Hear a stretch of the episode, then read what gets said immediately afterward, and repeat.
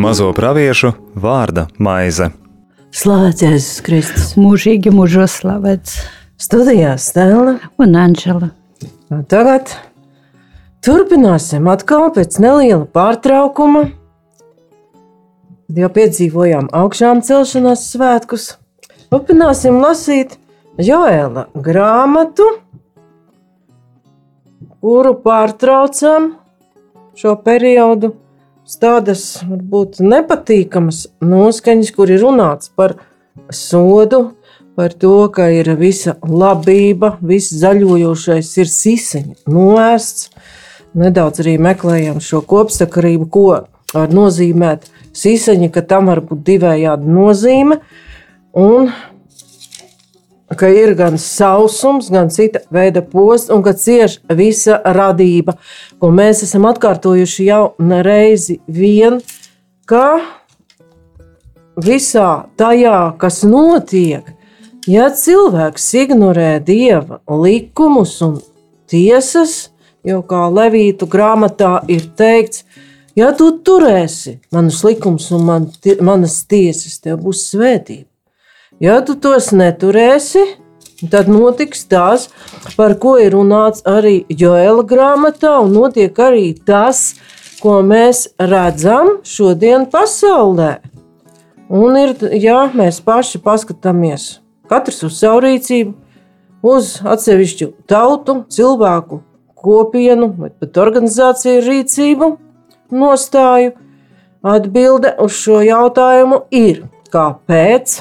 Tāpēc, ka mēs esam atmetuši Dievu un viņa likumu. Bet šodien lasīsim tālāk otro nodaļu Joēla grāmatā, kur ir runāts par tiesas dienu, kunga dienu, ka tā ir tumša un mākoņaina, un izvērstāk ir rakstīts par šo siseņu uzbrukumu, un atkal mēs redzēsim šo siseņu dubulto nozīmi. Un kā Joēls iesāk otro nodaļu. Būtiet tauri cienā, saceliet trauksmi manā svētajā kalnā. Satrūkstieties visi zemes iedzīvotāji.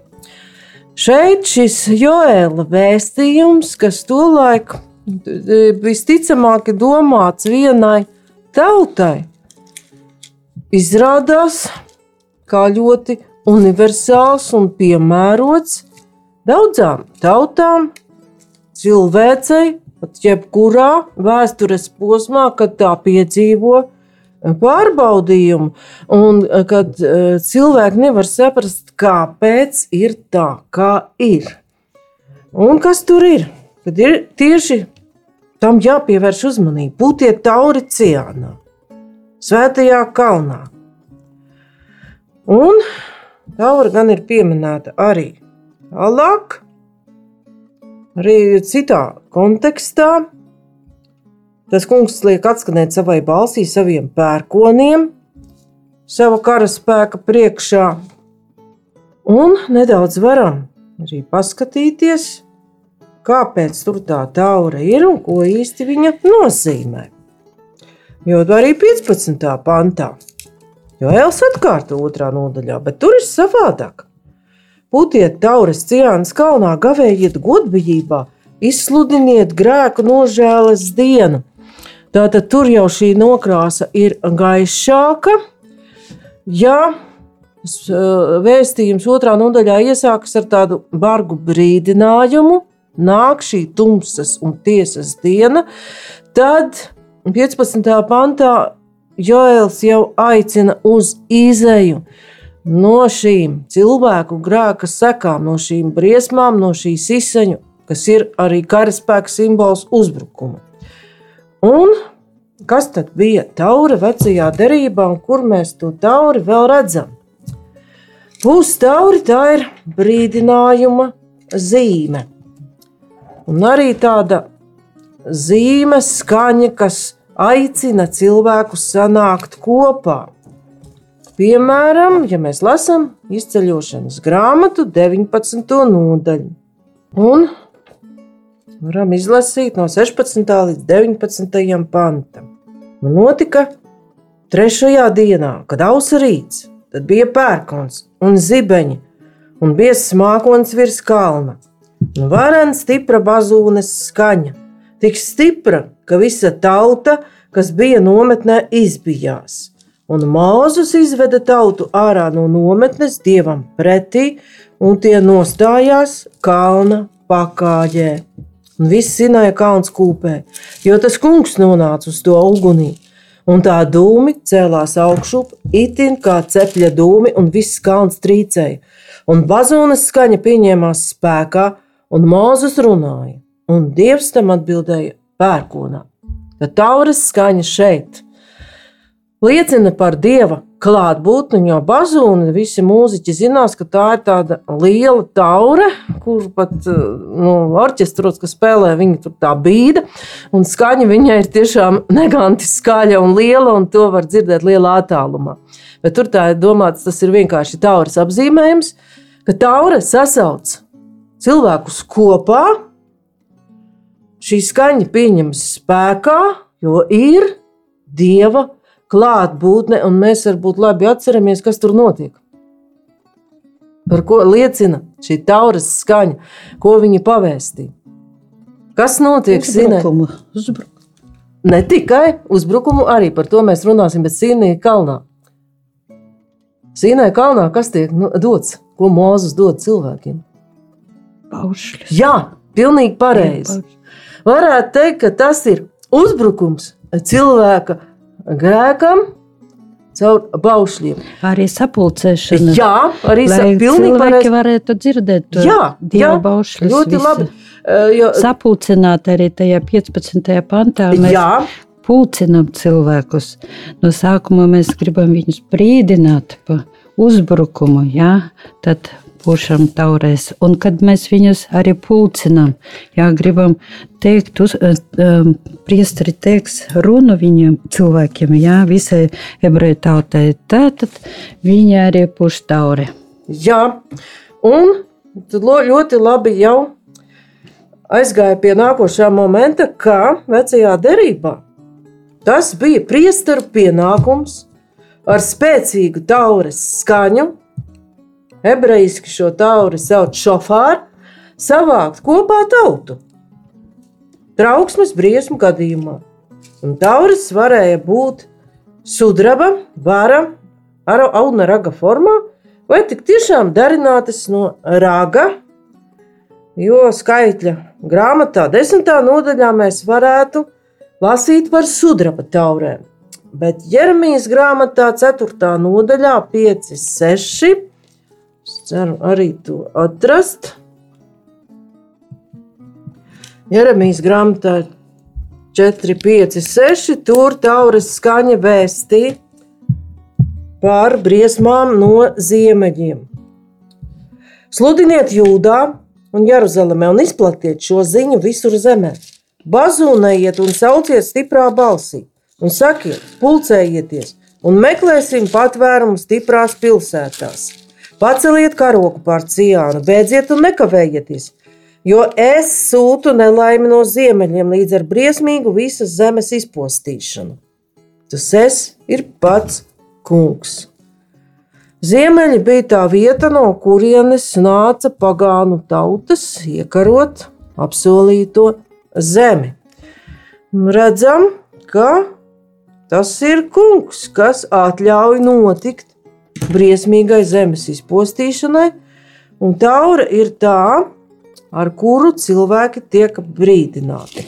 Un arī, ko mēs varam izlasīt jaunajā derībā, Svētā Pāvila vēstule Tesalonikiešiem, piektajā nodaļā mēs varam lasīt par laiku un brīdi, kad tam jānotiek, brāļi. Mums nav jums jāraksta, jo jūs paši zināt, ka kunga diena nāk kā zaglis naktī.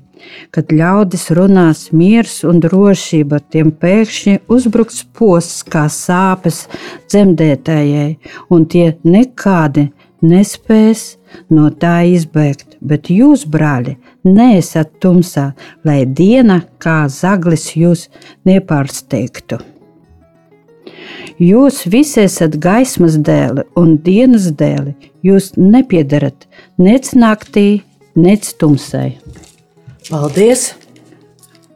Tad šeit ir no tauras izrietas Brīdinājums, brīdinājums, bet šis brīdinājums arī precīzi nepasaka laiku, jo vēl mums bieži ir tā problēma ar šo tumsas dienu, ka mēs reizēm pat lasot atklāsmes grāmatu, jo tauras, tauras tēma ļoti labi iet kopā arī ar atklāsmes grāmatu, jo tur arī ir tādi taurētāji, kuri vēstī par tām sekām, ko cilvēki piedzīvos, viņi ignorē dieva likumu. Tur ir septiņu eņģeļu pazūnes, un arī atklāsmes grāmatā ir minēts, es nākšu kā zaglis naktī 16, 15. Un, ja nemaldos, arī Jēzus vienā no evaņģēlījiem to saka, ka nevienam nav dots zināt dienu un stundu. Un atklāsmes grāmatā 16, 15 mēs varam izlasīt. Redzi, es nāku kā zaglis.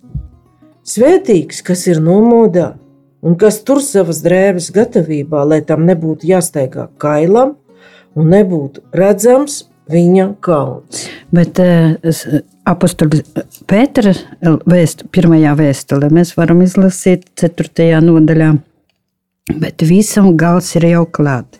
Tādēļ esiet saprātīgi un skaidrā prātā, lai varētu lūgt Dievu.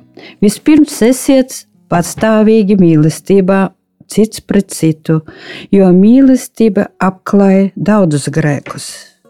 Esiet bez kurnēšanas viesmīlīgi cits pret citu. Kalpojiet cit citam ar to dāvanu, ko esat saņēmuši, kā labi daudzveidīgās dieva žēlestības pārvaldnieki. Ka, ja kādam ir spējas runāt, lai runā dievišķus vārdus, ja kādam ir spējas kalpot, lai kalpo ar spēku, ko piešķīris Dievs ka visās lietās Dievs tiktu pagodināts caur Jēzu Kristu, kam pieder gods un vara uz mūžu mūžiem. Āmen!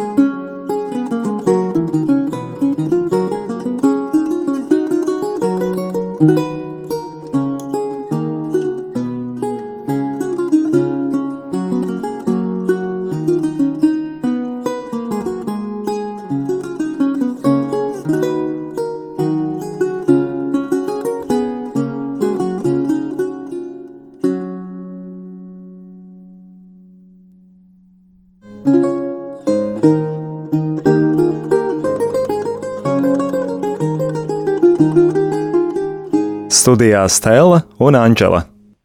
Pētera mācību cilvēkiem. Kā reaģēt uz šādiem notikumiem, kuri īsti nav prognozējami un nav saprotami?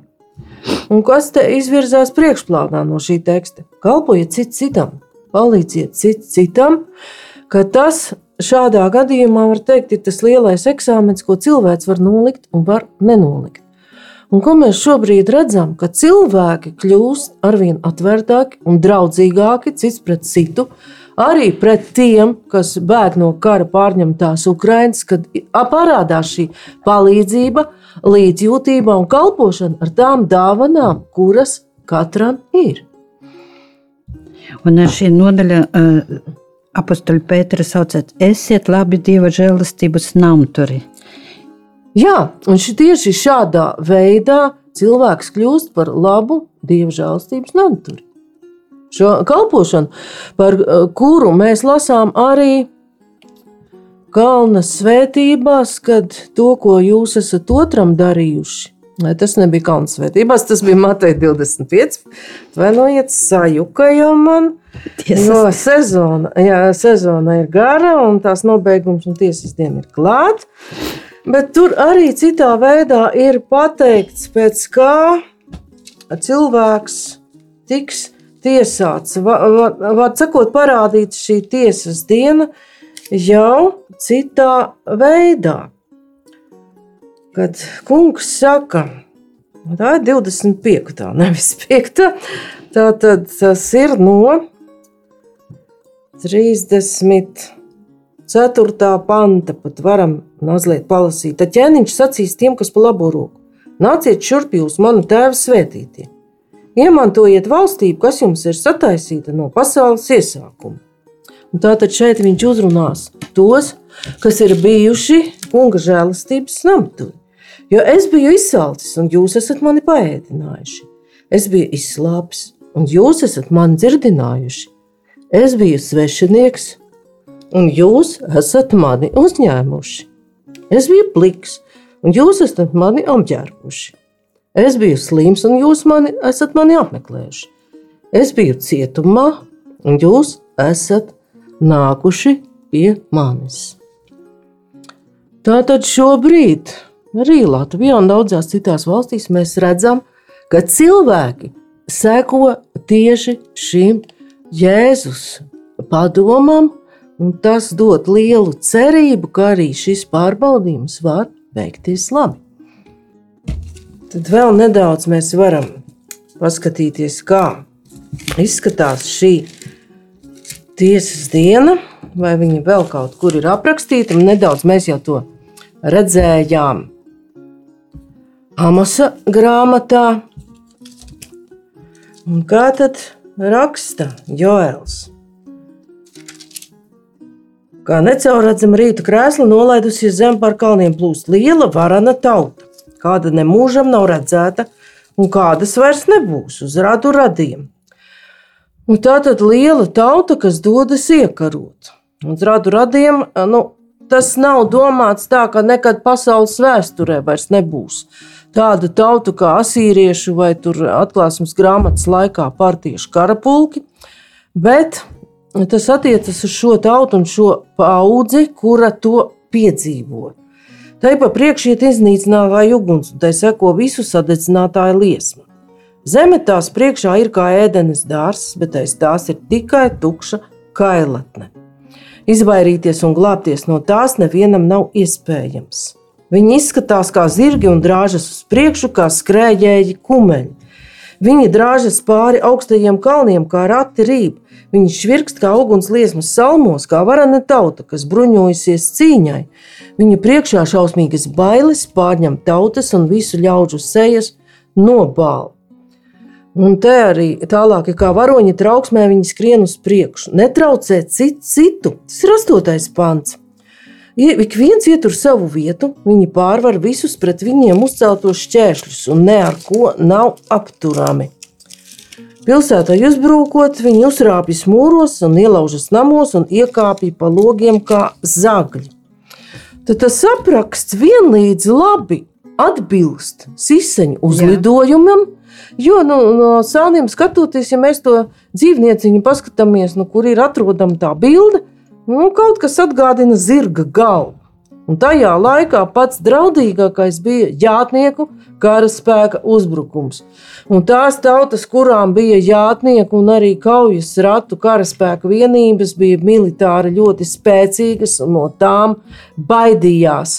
Nereti viņi, ar ko viņi paņēma un uh, nolika pie vietas tās iekaro, iekarojamās armijas un iznīcināmās kā asīriešu karapulki, viņi darbojās ļoti saskaņoti. Šīs jātnieku armijas, nereti viņām bija ļoti talantīgi vadītāji, viņas darbojās ļoti saskaņoti. Un, lai kaujas ratu karaspēks varētu sekmīgi doties kaujās, tur tik tiešām ir jābūt tā, ka netraucē citu, citu lai šis vienu kaujas ratu vadītājs un viņa zirgi un tur ievietotie ieroči netraucē kaimiņu. Tā tad ir ļoti precīza karaspēka vadība. Tā tad ir runāts par toreizējo militāro lielvaru spēku.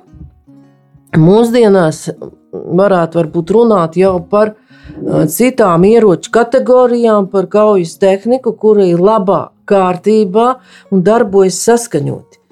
Bet te mēs varam redzēt vēl kādu momentu, ka ja viņi tik ļoti netraucē citu, citu ietur savu vietu, ietur savu vietu, to vārdu mēs varam arī tā saprast, ka viņi ir dieva pārvaldībā un viņi ir dieva rīks, lai piedabūtu cilvēkus, pret kuriem viņi dodas, atgriezties.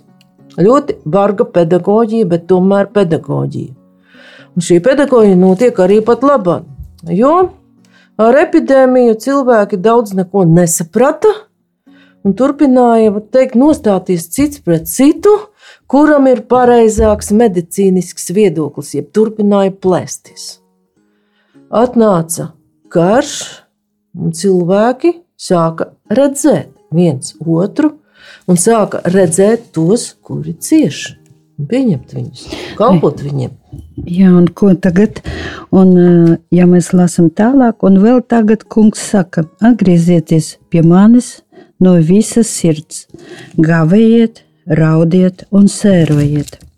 Plosiet savas sirdis, nedrānas un atgriezieties pie kunga, sava dieva, jo viņš ir žēlīgs un līdzcietīgs, gaus dusmās un dāsns žēlastībā.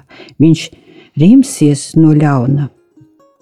Kas zina, varbūt viņš atkal rimsies, un pēc tam atkal nāks svētība, labības dāvana un lejamais upuris kungam, jūsu dievam. Paldies! Anģela jau lasa tālāk kad ir šis draudīgais apraksts, kad ir pat eh, saule aptumšojas un mēnesis, un var teikt, ka tas ir tāds vispārēji posta apraksts, un pat kara apraksts, jo redzam, ka tur, kur karo, jau toreiz eh, karaspēki nodedzināja visu. Un arī tagad, nu, kur uh, viss notiek, cenšas visu iznīcināt. Un tur ir uzreiz ugunsgrēki, dūmi un saule un mēnesis tikpat kā nav redzami. Bet ko tad piedāvā kungs? Jo viņš nepārtraukti to piedāvā. Arī vēl tagad, tā tad arī uz mums tas attiec arī uz mūsdienu civilizāciju. Vēl tagad griezieties atpakaļ pie manis. Un 13. pāns, kur Anģela izlasīja, ir ļoti būtisks. Jo toreiz gan izredzētās tautas un citām austrumu tautām varēja redzēt tādu ārēju sēru un grēku nožēlas aktu, kas izpaudās ar matu plēšanu, sēdēšanu pelnos un maisu apģērbšanu un arī drēbju saplosīšanu. Bet kungs aicina pievērsties savas sirds stāvoklim.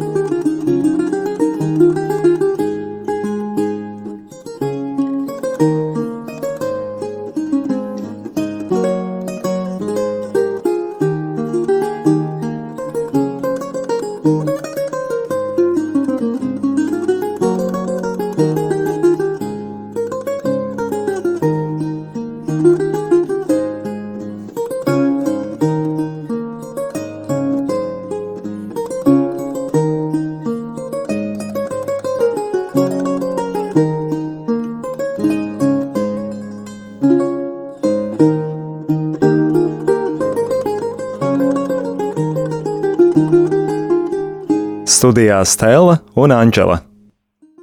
Un šeit mēs varētu no jaunās derības izlasīt apustuļa Pāvila otro vēstuli Timotejam, beidz no jaunības iekārēm un dzenies pēc taisnības, ticības, mīlestības un pēc miera kopā ar tiem, kas piesauc kungu no tīras sirds. Izvairies no muļķīgas un nemakolīgas spriedelēšanas, zinādams, ka tā noved pie strīdiem. Kunga kalpam nevajag strīdēties, bet pret visiem būt laipnam tādam, kas pamāca un ir iecietīgs, tādam, kas pretinieku audzina ar lēnprātību. Varbūt Dievs reiz dos tiem mainīt prātu un vedīs pie patiesības saprašanas, un tie attapušies atbrīvosies no vēlne izliktām lamatām, kurās sagūstīti, lai kalpotu viņa gribai. Paldies! Vēstule Timotejam, tā bija pirmā otra. Tā bija otrā vēstule Timotejam, otrā nodaļa.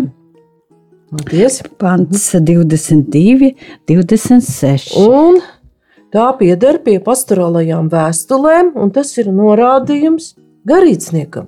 Jeb kā mēs Joela grāmatā lasām par priesteriem un vecājiem, kuriem ir jāpūstā taure un jāaicina cilvēkus uz šo grēku nožēlu un atmest to dzīvi, kur nav kungam patīkama.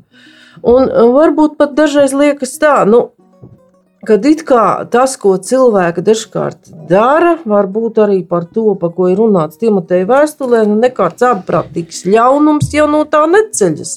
Ka viens tur kādus tukšus salmus skuļ, bet dažkārt ir tā, kā no tādiem sīkiem, it kā nevainīgiem pārspriedumiem iedegas liela uguns, ko mēs redzējām arī epidēmijas laikā, kad bija viena grupa atzina vienu viedokli medicīnisko, cita citu, un tā vilošanās dažkārt aizgāja līdz pat lieliem konfliktiem ģimenē. Un tā tad šis aicinājums Timotejam ir aktuāls joprojām.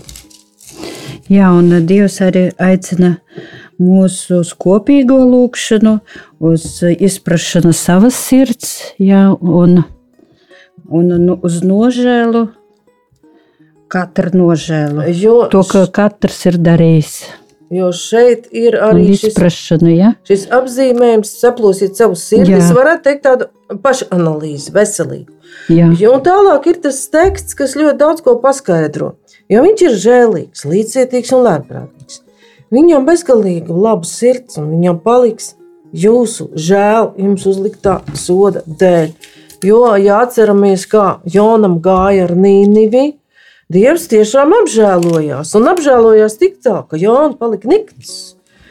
Un šeit jau tālāk atkal ir šis aicinājums, par kuriem jau es minēju, pūtiet tauras Cijāns kalnā, gavējiet godbijību, izsludiniet grēknožēlas dienu un savāciet vienu vietu visu tautu Svētiet, draugi, sapulciniet tautas vecais, savediet, sanesiet kopā visus bērnus un zīdaiņus. Nu, tā tad savediet un sanesiet. Tā tad no maza, maza, kas ir uz mammas rokām, nu, vēl neiet un sanesiet pat tādu vecu cilvēku, kas jau jānes, ka viņš jau nevar paiet. Tā tad absolūti visu tautu. Un par Dieva žēlastību vēl varētu izlasīt no izceļošanas grāmatas. Ja? Tas ir 34. Eh, pāns. Tad kungs nolaidās mākonī, nostājās tur pie viņa, pie mūzes un sauca kunga vārdu. Kungs gāja viņam garām un sauca: Kungs, kungs, Dievs, līdzcietīgs un žēlīgs, lēns dusmās un dāsns žēlastībā un patiesībā, kas uztur žēlastību pie tūkstošiem, piedot vainas, pārkāpumus un grēkus, bet neatstāj nesodītu. Viņš piemeklē tēvu vainas pie dēliem līdz trešajam un ceturtajam augumam. un to bieži mīl pieminēt. Piemeklē līdz trešajam, ceturtajam, bet kā tur bija ar to svētību līdz tūkstošiem augumam? Ka labu darbu kungs svētīs un pieminēs daudzkārt ilgāk, jo tūkstošais augums tas apzīmē bezgalīgi, bezgalīgi ilgi. Ka tas piemeklējums ir krietni īsāks un mazāks par to, kā Dievs atlīdzina cilvēkam un svēta viņu, ja viņš ir darījis viņu prātu. Un nobeigam tur piedot tu mūsu vainas un mūsu grēkus, ņem mūs sev par īpašumu. Un tas sasaucas arī šeit ar to 17. jo mēs vēl pat visu uh, otro nodaļu neizlasīsim līdz beigām, ja Dievs arī atbildēs.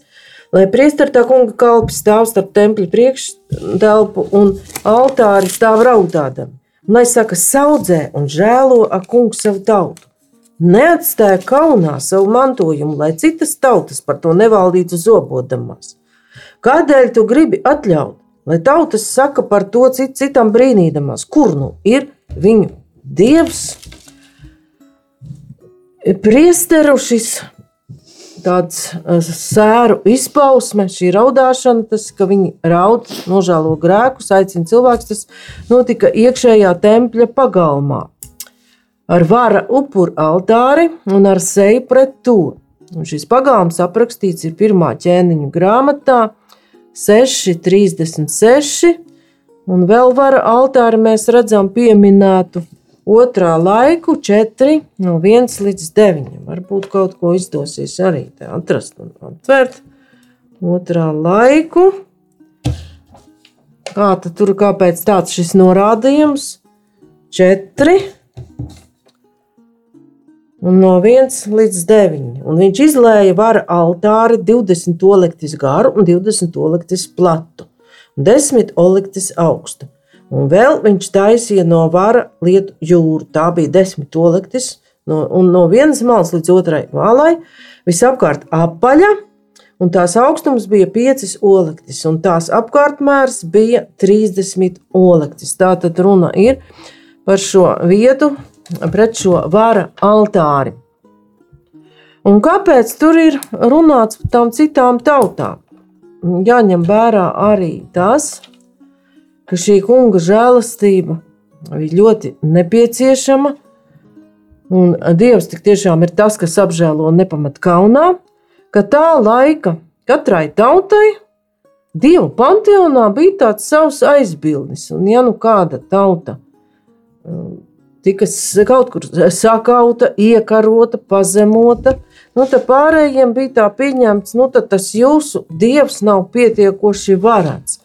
Tā kā pravietis aicina lūgties, lai šis dievs, par kuru pats pravietis zina, ka tas ir vienīgais dievs, pasaules radītājs, pieņem tautas grēku nožēlu un neatstāja viņus kaunā. Un arī izceļošanas grāmatā par šo neatstāšanu kaunā neliela piezīme 32, 12. Es ceru, ka es pareizi atradu. Kad arī Mozus sauc uz kungu pēc tās epizodes ar zelta ceļu, kad tiešām Dievs ir dusmīgs. Mozus sauc, vai eģiptieši, lai saka, viņš tos ir ievedis postā, lai tos nogalinātu kalnos un lai tos izdeldētu no zemes virsmas, remdina savu dusmu karstumu un apžēlojies par savu tautu, ka tu to neizposti. Mēs lasītu tālāk, mēs redzētu, arī kungs apžēlojas. Un rīt pravieša Joēla grāmatā nākamajā reizē iedziļinoties otrās nodaļas noslēgumā, mēs redzēsim, ka Dievs apžēlosies. Bet šodien Paldies par uzmanību. Studijā bija Stela un Anģela. Izskanēja raidījums Mazo praviešu vārda maize.